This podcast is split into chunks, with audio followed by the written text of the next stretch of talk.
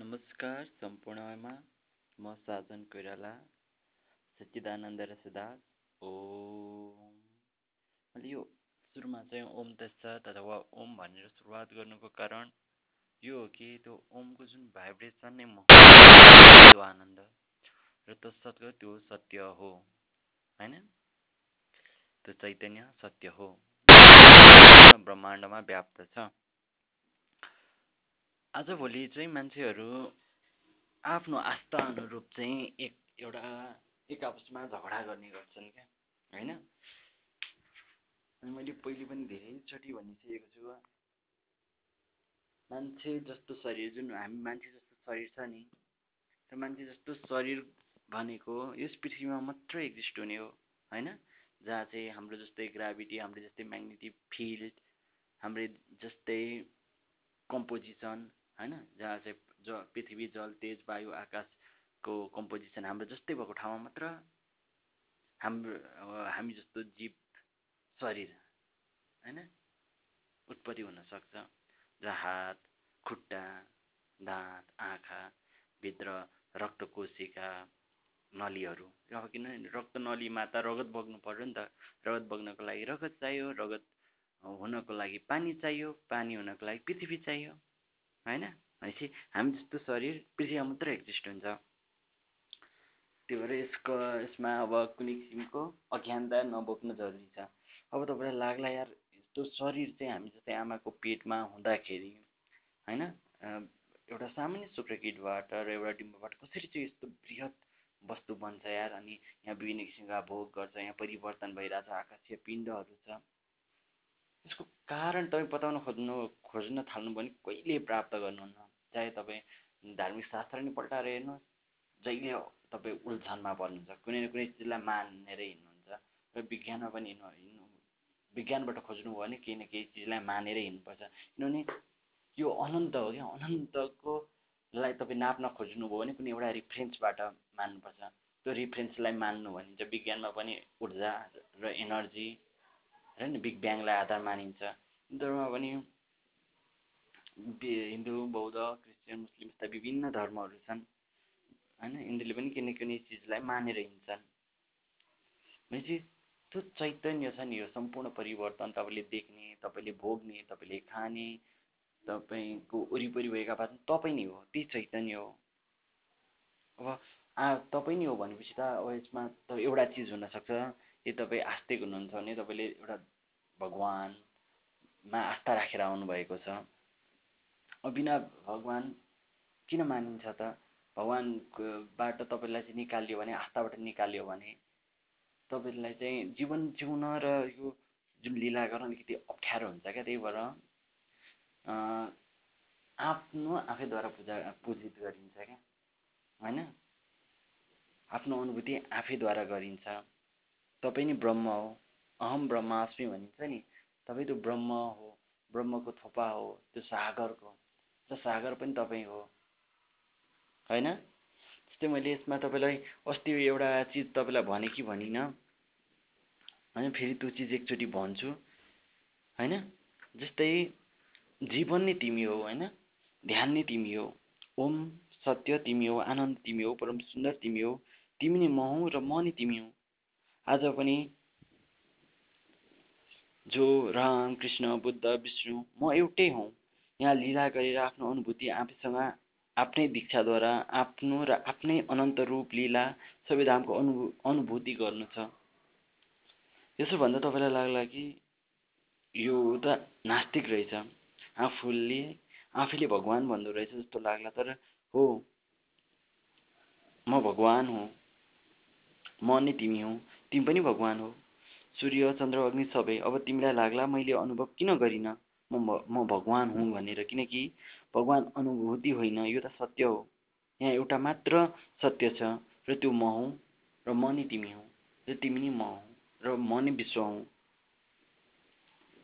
तर लीला स्वरूप अनेक रूप हुन्छ। तिम्रो मेरो कागको वनस्पतिको यो शरीर रूपी जुन अहिले म बोलिरहेछु यो साधनको सूर्य सूर्य चन्द्र सागरबाट ल्याएको पानीले म सागर हुँ भन्छ। भने गलत भनेको होइन क्या। यदि तपाईँले सागरबाट एक गिलास पानी ल्याउनु भयो र त्यो गिलासको पानीले म सागर हुँ भन्छ भने त्यो गलत होइन। ऊ सागर नै हो।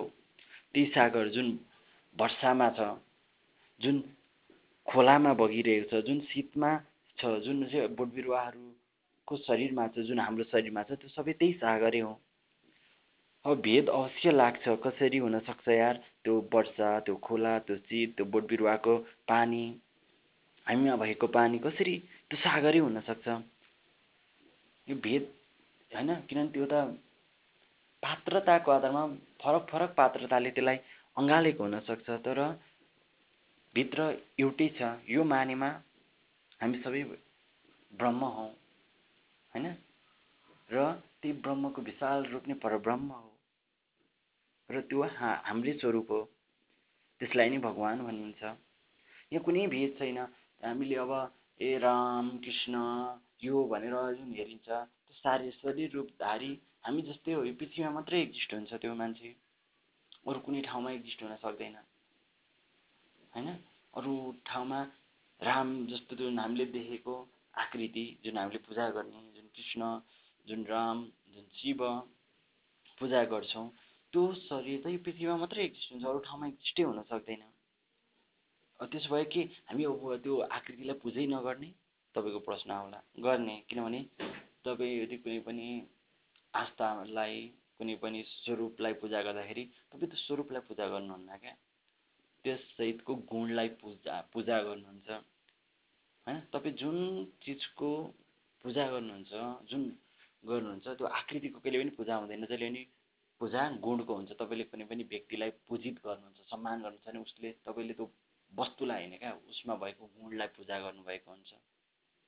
यो मानेमा हामीले शिवमा जुन शरीरधारी शिव तपाईँले देखेको शरीरधारी शिव तपाईँले पूजित गरिरहेको शरीरधारी राम तपाईँले पूजा गरिरहेको सयधारी कृष्ण यदि हिन्दू हो भने बुद्ध हो भने बुद्ध र अरू विभिन्न धर्म छन् पृथ्वीभरि। होइन प्रत्येक देशमा लगभग आफ्नै धर्म छन् होइन? भनेपछि यो मानेमा चाहिँ के हो भन्दाखेरि त्यो हामीले पूजित गरिरहेका व्यक्तिलाई होइन क्या उहाँको गुणलाई हामी पूजित गरिरहेका हुन्छौँ होइन? तपाईँ तपाईँले कुनै पनि व्यक्तिलाई सम्मान गर्नुहुन्छ उसलाई होइन उसको गुणलाई।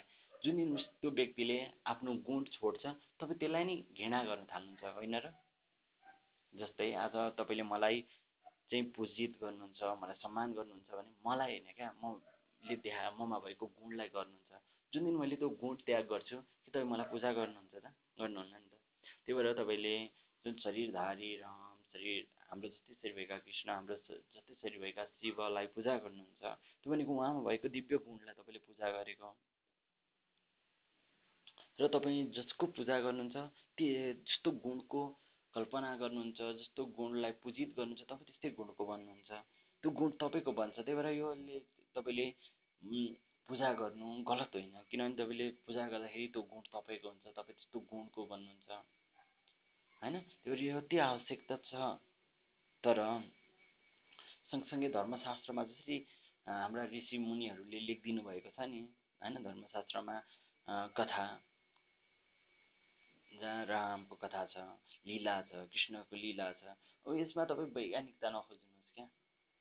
होइन यसमा वैज्ञानिकता उहाँको जन्म कहाँ भएको त्यो ठाउँ कुन हो यसरी खोज्न थाल्नुभयो भने तपाईँ डुब्नु हो। तपाईँले कहिल्यै पनि प्राप्त गर्न सक्नुहुन्न किनभने त्यो एउटा उपन्यास जस्तो हो। जसरी उपन्यासमा पात्र काल्पनिक हुन्छ। तर वैदिक उपन्यासमा पात्र कहिले पनि कल्प काल्पनिक हुँदैन। वैदिक उपन्यासमा जहिले पनि पात्र चाहिँ त्यो सर्वोच्च त्यो चैतन्यलाई पात्र बनाइन्छ। होइन? त्यही चैतन्यलाई राम बनाइन्छ त्यही चैतन्यलाई कृष्ण बनाइन्छ। र तर कथावस्तु चाहिँ हाम्रै वरिपरि वातावरणको झिकिन्छ होइन? यो मानेमा वातावरण हाम्रो समाजको हुन्छ कुनै पनि शास्त्रले देखाउने। तर त्यसको पात्रता जुन हुन्छ नि त्यसको जुन पात्रता जुन चैतन्यता जसमा चाहे त्यो राम चाहे कृष्ण चाहे बुद्ध हामी जसलाई पात्र बनाएको छौँ त्यो चाहिँ त्यो चैतन्यको बनाइएको हुन्छ। त्यही भएर त्यो चैतन्यमा अनौठो अनौठो चिजहरू देखाएको हुन्छ अनौठो काम गरेको देखाएको हुन्छ र उसको गुणहरू देखाएको हुन्छ। त्यही कारणले यसमा तपाईँ चाहिँ कहिले पनि यो भ्रममा नपर्नुहोस् कि। त्यो कथाको परिस्थिति कहाँ थियो त्यो ठाउँ कुन थियो भने ठाउँ नखोज्नुहोस् होइन? त्यो लीला अथवा त्यो शास्त्रमा भएकाहरूको त्यो धाम कहाँ थियो कहाँ लीला गरेको थियो के थियो कस्तो थियो त्यसमा वैज्ञानिकता पनि नखोज्नुहोस्। मात्र त्यसलाई तपाईँ एउटा कथाको रूपमा लिनुहोस् आदर्शताको रूपमा लिनुहोस्। होइन त्यहाँ एउटा चैतन्यको कथा हो त्यो। होइन त्यो भएर त त्यहाँ चैतन्यको कुरा हुन्छ त्यहाँ प्रेमको कुरा हुन्छ भक्तिको कुरा हुन्छ आनन्दको कुरा हुन्छ त्यहाँ गुणको कुरा हुन्छ। त्यो गुण सुनेपछि तपाईँमा पनि गुण आउँछ। यो मानेमा त्यो सत्य छ। तर तपाईँ त्यसलाई चाहिँ कुनै पनि ठाउँ खोज्न थाल्नुहुन्छ त्यो कहाँ नै जन्मेको त्यही चाहियो। होइन? ऊ किन त्यो थियो? कहाँ हो भनेर खोज्न थाल्नुहुन्छ भने तपाईँ अन्यलमा पर्नुहुन्छ र कहिले पनि तपाईँ दैविक गुण तपाईँमा प्राप्त हुँदैन। होइन? त्यही भएर कहिले पनि यो भ्रममा नपर्नुहोस् कि अहिलेसम्म लेखिएका जति शास्त्र छन् पुराण कथा ती पुराण कथा तपाईँले पुराणमै यो कुरा भनिएको कतिचोटि ख्याल गर्नुभएको छ कि छैन होइन?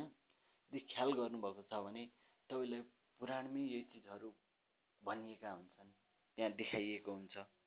त्यहाँ स्पष्ट रूपले भनिएको हुन्छ। जस्तै तपाईँले भागवत पुराण सुन्नुभएको छ भने त्यहाँ भागवत के हो भनेर त्यहीँ भनिएको हुन्छ।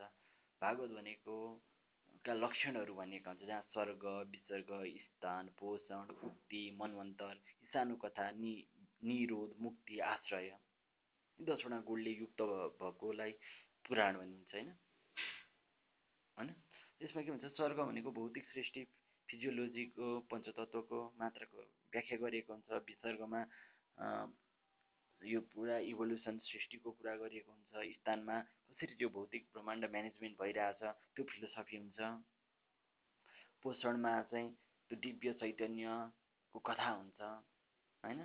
चैतन्य जो तपाईँ म शिव राम कृष्ण सबै हुन्। होइन? तर हामी कौन हौँ भने उहाँहरू सागर हो। सागरको रूपमा अब हामी कसरी एकासमा काम हुन्छ कसरी भक्त र भगवान् बिचको कथा हुन्छ त्यो पोषणमा हुन्छ। उक्तिमा जीवहरूले के कारणले दुःख पाइरहेछन् दुःखबाट कसरी मुक्ति हुने त्यो कुराहरू हुन्छ। मनोन्तरमा समय क्रम कसरी चल्छ र हाम्रो कन्सियसनेस हाम्रो चेतना कसरी परिवर्तन छ समय के हो त्यस्तो कुराहरू व्याख्या गरिएको हुन्छ। सानो कथामा भगवान्प्रति भक्तको कृतज्ञता र हामीले इतिहासबाट निकालेको हुन्छ। त्यही भएर यो चिज चाहिँ हुन्छ। यही कारण यसमा इतिहास छिराइएको हुन्छ। तर इतिहास मात्र हुँदैन। कुनै पनि पुराणमा सँगसँगै त्यहाँ स्वर्ग विसर्ग स्थान पोषण उक्ति मनोन्तर पनि हुन्छ। सानो कथा मात्र हुँदैन। तर त त्यही भएर तपाईँले चाहिँ सानो कथालाई मात्र लिएर त्यो कुन स्थान हो कुन ठाउँ हो भनेर हेर्न थाल्नु भने तपाईँले त्यो शास्त्रलाई सही तरिकाले परिभाषितै गर्न सक्नुहुन्न। त्यहाँ निरोध हुन्छ संसारको प्रलय कसरी हुन्छ त्यो किसिमको मुक्ति हुन्छ कसरी हामीले कसको मुक्ति के हो आश्रय के हो त्यसको आधारमा बनाइएको हुन्छ। त्यही भएर तपाईँले चाहिँ त्यसलाई चाहिँ सामान्य रूपमा लिनुभयो। अनि एउटा इतिहासको कथाको रूपमा लिनुभयो भने त्यो गलत हुन्छ। होइन? किनभने इतिहासको कथाको रूपमा लिनुभयो भने त तपाईँले रामायणै हेर्नुभयो भने आजभन्दा पाँच हजार वर्ष अगाडिबाट मात्र हामी चाहिँ वैज्ञानिक रूपले हेर्नु भने मानव सिभिलाइजेसन भएको पाइन्छ। यदि मानव चाहिँ पाँच हजार वर्ष अगाडि मात्र सिभिलाइज भएको छ भने उनीहरूले गरेको त्यो कुराहरू तपाईँलाई अस्वाभाविक लाग्न लाग्नेछ। होइन? र सँगसँगै बाँदर र मान्छे सँगै काम गरिरहेछ बाँदरले पनि बोलिरहेछ होइन? भाषा बोलिरहेछ हाम्रो जस्तो। त्यो त असम्भव हो नि त आज बोलिरहेको छैन त्यतिखेर कसरी बोल्न सक्छ? तपाईँले त्यसलाई त्यो तरिकाले हेर्नुभयो भने गलत हुनसक्छ। तपाईँले कुनै पनि राइटरले लेखेको उपन्यासलाई चाहिँ यथार्थको रूपमा हेरिदिनु भयो भने त्यो गलत हुनसक्छ। तर त्यो उपन्यासले दिन खोजेको सन्देश त्यहाँ देखाइएको चित्र त्यहाँ देखाएको समाज होइन? र त्यसले व्याख्या गरेको त्यो चैतन्य त्यो भगवान् र उसको लीला हेर्नुभयो भने चाहिँ त्यो सत्य हुन्छ। होइन? त्यही भएर तपाईँ बुद्धिमानी हुनुहुन्छ भने मात्र तपाईँले त्यो सत्यलाई जान्न सक्नुहुन्छ नत्र सक्नुहुन्न। र यही कारणले हो आज पनि मान्छेहरू विभिन्न के अरे रामायण कालको ठाउँ भनेर खोजिरहेछन्। कुनै त्यो इतिहासलाई पनि हालेको कारणले होला कहीँ कहीँ भेटिएला। तर सबै चिज खोज्न खोज्नु मूर्खता हो मात्र हामीले के गर्न सक्छौँ भन्दाखेरि त्यहाँको पात्रता अनुसारको गुण बनाउन सक्छौँ। हामी बुद्ध कहाँ जन्मे राम कहाँ जन्मे कृष्ण कहाँ जन्मे भनेर खोज्नुभन्दा पनि होइन कृष्णको जस्तो गुण कसरी आफूमा विकास गर्ने होइन? बुद्धको जस्तो गुण कसरी विकास गर्ने रामको जस्तो गुण कसरी विकास गर्ने रामको जस्तो राज्य कसरी सञ्चालन गर्ने त्यो सिक्नु ठुलो कुरो हो क्या। होइन? किनभने तपाईँ पनि त्यही चैतन्य हो नि त। तर तपाईँमा त्यो भक्ति र प्रेम उदायो भने त्यो ठुलो कुरो हो क्या। अब एउटा तथ्य भन्छु। अब मैले यो कुरा गर्दाखेरि आस्थावानलाई त अवश्य यसले चोट पुर्याउँछ यो प्रवचनले। किनभने हामीले जे मानेका हुन्छौँ त्योभन्दा बाहिरीको चिज आयो भने हामीलाई रिस उठ्छ। र हामीले कुनै पनि चिज पहिलोचोटि गर्छौँ भने त्यसले डर उत्पन्न गर्छ। यो सत्य हो क्या।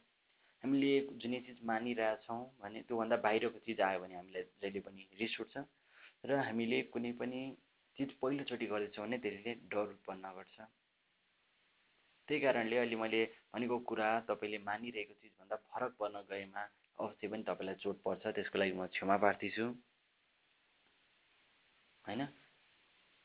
मैले अब त्यसको कारण तपाईँले के अरे पुजै नगर्नु शास्त्रै नपढ्नु अथवा कथै नपढ्नु उहाँलाई नपुज्नु भने होइन गर्नु। जसलाई गर्दाखेरि तपाईँमा चाहिँ प्रेम बढ्छ तपाईँमा भक्ति बढ्छ तपाईँमा उहाँको जस्तै गुण आउँछ तपाईँ आफूलाई चैतन्य हो भन्ने जान्नुहुन्छ मान्नुहोस्। तर यसले चाहिँ नराम्रो लिनेछ यसले चाहिँ राजनीतिक उथल बिथल नैतिकताको पतन गर्दैछ भने तपाईँ त्यसलाई छोड्न पनि सक्नुपर्छ। तपाईँ आज त्यो भन्नु क्या त्यो आध्यात्मिक भन्नु जो तपाईँ हो त्यो चैतन्य भन्नु जो तपाईँ हो जो म हुँ जो संसारका हरेक चिज हो त्यो चैतन्यमा पुग्नुहोस् होइन? तर यदि तपाईँ चाहिँ धर्मको आडमा सम्प्रदायको आडमा एउटा कुनै पनि फिलोसफीको आडमा अड्किएर बस्नुहुन्छ भने तपाईँले सत्यलाई देख्नै सक्नुहुन्न। किन सत्यलाई परिभाषितै गर्न सकिँदैन सत्य सत्य हो। एउटा कथा भन्छु यदि सबै धर्मका मान्छे पृथ्वीभरि कति होलान् होइन? पृथ्वीभरि कति छन् कति नेपालमै हेर्नु न तपाईँले यी धर्म कति छन् होइन? किराँत किराँत धर्म छ बौद्ध धर्म छ हिन्दू धर्म छ जैन इस्लाम होइन? नेपालमै दस पन्ध्रवटा धर्म भेट्न सकिन्छ भनेपछि प्रत्येक देशमा आफ्नो आफ्नो धर्म छन्। अनि त्यहाँ पछाडि सम्प्रदाय छन् त्यहाँ पछि पृथ्वीभरि हेर्ने भने एक सय दुई सयवटा पुग्दो हो। यदि त्यो सबै धर्महरूलाई एक ठाउँ भेला भएर एक आपसको आस्था विरुद्ध बोल बोलिदिउँ त हिन्दूले अर्कोको विरुद्ध बोलिदियोस् मुस्लिमले अर्कोको विरुद्ध यसरी बोल्ने हो भने जो बाँच्छ नि त्यो भेलामा त्यो चाहिँ आध्यात्मिक हो क्या। होइन? त्यसरी भन्दाखेरि एक आपसमा सब लड्न थाल्छन् कि तर एकजना को जो बाँच्छ नि त्यो चाहिँ आध्यात्मिक हो। अरू सब आध्यात्मिक होइनन् क्या। त्यही भएर तपाईँ त्यो लेभलमा पुग्नुहोस्। यसको मतलब तपाईँले कुनै पनि धर्मै धारण नगर्ने भन्ने कुरो होइन धारण गर्नुहोस्। तर आफूलाई जागृत गरेर धारण गर्नुहोस् क्या। तपाईँले धारण गरेकै चिज तपाईँलाई को पासो नबनोस् होइन? थाहा छैन कुनै पनि चिजलाई तपाईँ मान्नुहुन्छ नि होइन? यदि कुनै पनि चिज तपाईँलाई थाहा छैन भने थाहा छैन भन्नु सत्य हो क्या मान्नुभन्दा। यदि तपाईँलाई कुनै चिज थाहा छैन नि त। थाहा छैन भने ए मलाई थाहा छैन अब यो मानेर म अघि बढ्छु भन्नुहुन्छ भने त्यो मान्नुभन्दा थाहा छैन भनेर स्वीकार्नु चाहिँ सत्य हो क्या त्यो समयको लागि। होइन? आज हामीलाई कति चिज थाहा छैन नि त। जस्तै हामीले खोज्ने हो भने हाम्रो उत्पत्ति कसरी भयो यसमा मानव विकास कसरी भयो होइन? सम्पूर्ण होल एक्जिस्टेन्स कसरी भयो हामीलाई थाहा छैन नि त। अब यो थाहा छैन भन्नेमा तपाईँ कुनै पनि चिजलाई मानेर अगाडि बढ्नुहुन्छ नि त्यो मान्नु गलत हो। तर मलाई थाहा छैन भने स्वीकार गर्नु चाहिँ सत्य हो। अब दोस्रो कुरो यदि तपाईँलाई थाहा मान्नु नै हुन्छ भने होइन जीवनमा मान्नु त पर्छ कुनै न कुनै चिजलाई रिफरेन्स लिएर त अगाडि बढ्नु नै पर्छ। तपाईँ मान्नुहुन्छ भने पनि त्यो तपाईँले मानेको चिज सबैको कल्याण र सबैलाई आनन्द दिने हुनुपर्छ। तपाईँले मानेको चिजले पनि तपाईँलाई बन्धनमा पार्छ। होइन सुरुमा त मान्नु नै सत्य होइन। होइन? थाहा छैन तपाईँलाई त्यो सत्य हो। तर सुरुमा तपाईँले मान्नुहुन्छ मान्नु नै आफैमा सत्य होइन। तर तपाईँले मानेकै चिजले पनि स्वयं तपाईँलाई चाहिँ कल्याण गरिरहेको छैन। सबैको कल्याण गरिरहेको छ सबैलाई आनन्द दिइरहेको छैन। सबैमा एकता ल्याइरहेको छैन। यो तपाईँको चेतनालाई खुम्चाइरहेछ। तपाईँको संसार साँगुरिरहेछ भने त्यो मान्नु गलत हो। आज पनि त मानिन्छ नि जस्तै पृथ्वीमा चाहिँ उत्तरी गोलार्ध दक्षिणी गोलार्ध भनेर मानिन्छ। होइन? यो होइन कि उत्तरी गोलार्ध कुन अहिले हामीले जसलाई उत्तरी गोलार्ध भन्छ त्यसलाई दक्षिण गोलार्ध पनि त भन्न सकिन्थ्यो होइन? दक्षिण गोलार्ध उत्तरी गोलार्ध पनि भनिन सकिन्थ्यो बिचको रेखालाई भूमध्य रेखी किन भन्यो? त्यो सब मानिएको। तर त्यो मानेको कारणले गर्दा आज हामी कति स्पष्ट प्रकारले हामी कुन ठाउँमा कति समय हुन्छ कहाँ कस्तो दिन हुन्छ कस्तो रात हुन्छ भन्ने कुरा प्रिडिक्ट गर्न सक्छ नि हामीलाई सहज बनाएको छ नि त होइन? कति मानेकै चिजले हामीलाई सहज बनाउँछ सबैलाई एकता गर्छ आनन्द गर्छ सरल बनाउँछ। जीवनमा उत्सव भर्छ भने त्यो मान्नु गलत होइन। होइन? त्यही कारणले हामी धर्मशास्त्रहरू मान्छौँ भगवान्लाई पनि हामी मान्छे जस्तै रूपले मानेर पूजा गर्छौँ। त्यो गलत होइन तर त्यसले चाहिँ कल्याण गर्दैन आनन्द दिँदैन होइन? त्यो मान्नु चाहिँ आफ्ना सत्य भने होइन सत्य त सत्य हो त्यो सत्य नै राम हो त्यो सत्य नै कृष्ण हो। तर त्यही सत्यलाई चाहिँ कथाको रूपमा आनन्द हेतु हाम्रा ऋषिमुनिहरूले लेखिदिएका हुन्छन् पात्र बनाएर। होइन? त्यो चाहिँ मानेको तर त्यो मान्दाखेरि हामीलाई नै कल्याण हामीलाई नै आनन्द हामीलाई चाहिँ एकतामा बाँच्छ हामीलाई चाहिँ हाम्रो जीवन चाहिँ सहज बन्छ। त्यो कारणले मानिएको मान्नुभन्दा थाहा छैन भन्नु सत्य हो। तर मानिएपछि त्यसले सम्पूर्णको कल्याण र सम्पूर्णलाई चाहिँ आनन्द परा बनाउन सक्नुपर्छ। यो कुरा तपाईँ स्पष्ट हुनुहोस्। होइन? यो जानेपछि तपाईँ ए ममा केही फरक छैन यहाँ हरेक जीवमा फरक छैन हरेक चैतन्य हुन्। र त्यो जसले लिला गर्छ त्यो पनि हाम्रै स्वरूप हो होइन? हामी नै हो। त्यो पनि मान्नुहोस् किनभने मान्दाखेरि त त्यसले तपाईँलाई कल्याण आनन्द होइन? तपाईँलाई सहज बनाउँछ नि त। अहिले भगवान् मानेको कारणले गर्दा तपाईँ त्यसमा निहुरिन सक्नुहुन्छ आफ्नो डिप्रेसन उतार्न सक्नुहुन्छ होइन? तर तपाईँले मानेको चिज भगवान् होइन। तर जो भगवान् सत्य छ त्यो चाहिँ छ फेरि। त्यसको मतलब यो होइन कि? भगवानै छैन भगवान् छ त्यो ब्रह्म छ त्यो चैतन्य छ त्यो विशाल सागर जस्तो छ। त्यसलाई हामी डिस्क्राइबै गर्न सक्दैनौँ जति शास्त्रले डिस्क्राइब गरेको छ होइन? त्यसलाई नि यम्बरमा वेद रुद्ध मर्त स्तुति देव्यस्तवै वेदे साङ्ग पदविन सधैँ गायन्त्यम सामगा ध्यानं तद्गत मनसा पश्यन्त्यम योगिनो यस्यन्तन विदुसुरासुरगणा देवाय तस्मै नमः। जसलाई यम ब्रह्मा विष्णुले स्तुति गर्छन्। वेदहरूले उसको बयान गरिरहेको छ। ध्यानीहरूले ध्यान गरिरहेछन् योगले योगी गरेर पनि त्यो सत्यता त्यो चैतन्य त्यो भगवान्को बारेमा कहिले थाहा पाउन सक्दैन त्यति विशाल छ। हामी त्यसकै अंश हौँ। हाम्रो स्वरूप त्यही हो। होइन अब यसको मतलब होइन भोलिदेखि तपाईँ आफूले मानिरहेको चिज छोड्नु हो भने चाहिँ तपाईँलाई एकदम गाह्रो हुनेछ। तपाईँ यो सत्यलाई बुझ्नुहोस् र तपाईँको जीवनलाई असहज छ भने केले सहज हुन्छ? त्यो चिजलाई मानेर अगाडि बढ्नुहोस् होइन? मान्दा सहज हुन्छ त्यसले आनन्द दिन्छ त्यसले तपाईँको चैतन्यलाई फ फैलाउँछ तपाईँलाई एकतामा राख्छ अब त्यो चिजलाई मानेर हिँड्नुहोस्। यसो गर्नुभयो भने तपाईँ न त आफ्नो आफ्नो विचारलाई मात्र तपाईँ ठुलो मान्नुहुन्न अरूलाई पनि सम्मान गर्न सक्नुहुन्छ। तपाईँ एक विशाल बन्नुहुन्छ। र यस मेरो यस प्रवचनले यदि कसैको कुनै आस्था कसै होइन? सबैको आस्था हुन्छ। आफ्नो आस्थाभन्दा बाहिरको चिज अरूले बोल्यो भने दुःख लाग्छ। होइन? त्यस्तो बोल्नु पनि हुँदैन। र यो प्रवचनले अवश्य पनि होइन? कुनै आस्थाहरूमा सबैको कुनै कुनै आस्था हुन्छ। सबै आस्थामा यदि असर गरेको छ भने म क्षमा माग माग्छु। तर तपाईँले जुन आस्था राख्नुहुन्छ त्यसले सबैको कल्याण सबैलाई आनन्द सबैलाई खुसी र तपाईँलाई स्वतन्त्र राख्न सक्नुपर्छ। तपाईँलाई चाहिँ बन्धन भन्नु हुँदैन। त्यही कुरा भन्दै फेरि एकचोटि भन्छु तपाईँलाई थाहा छैन भने थाहा छैन भन्नु सत्य हो मान्नुभन्दा। तर मान्नुहुन्छ भने सबैको कल्याण सबैको आनन्द सबैलाई आनन्द सबैलाई शान्ति हुने चिजलाई मान्नुहोस्। र तपाईँले जेलाई मान्नुहुन्छ त्यो सत्य नहुन सक्छ। तर सत्य जे छ त्यो छ। त्यो सत्य नै भगवान् हो। त्यही चैतन्य हो।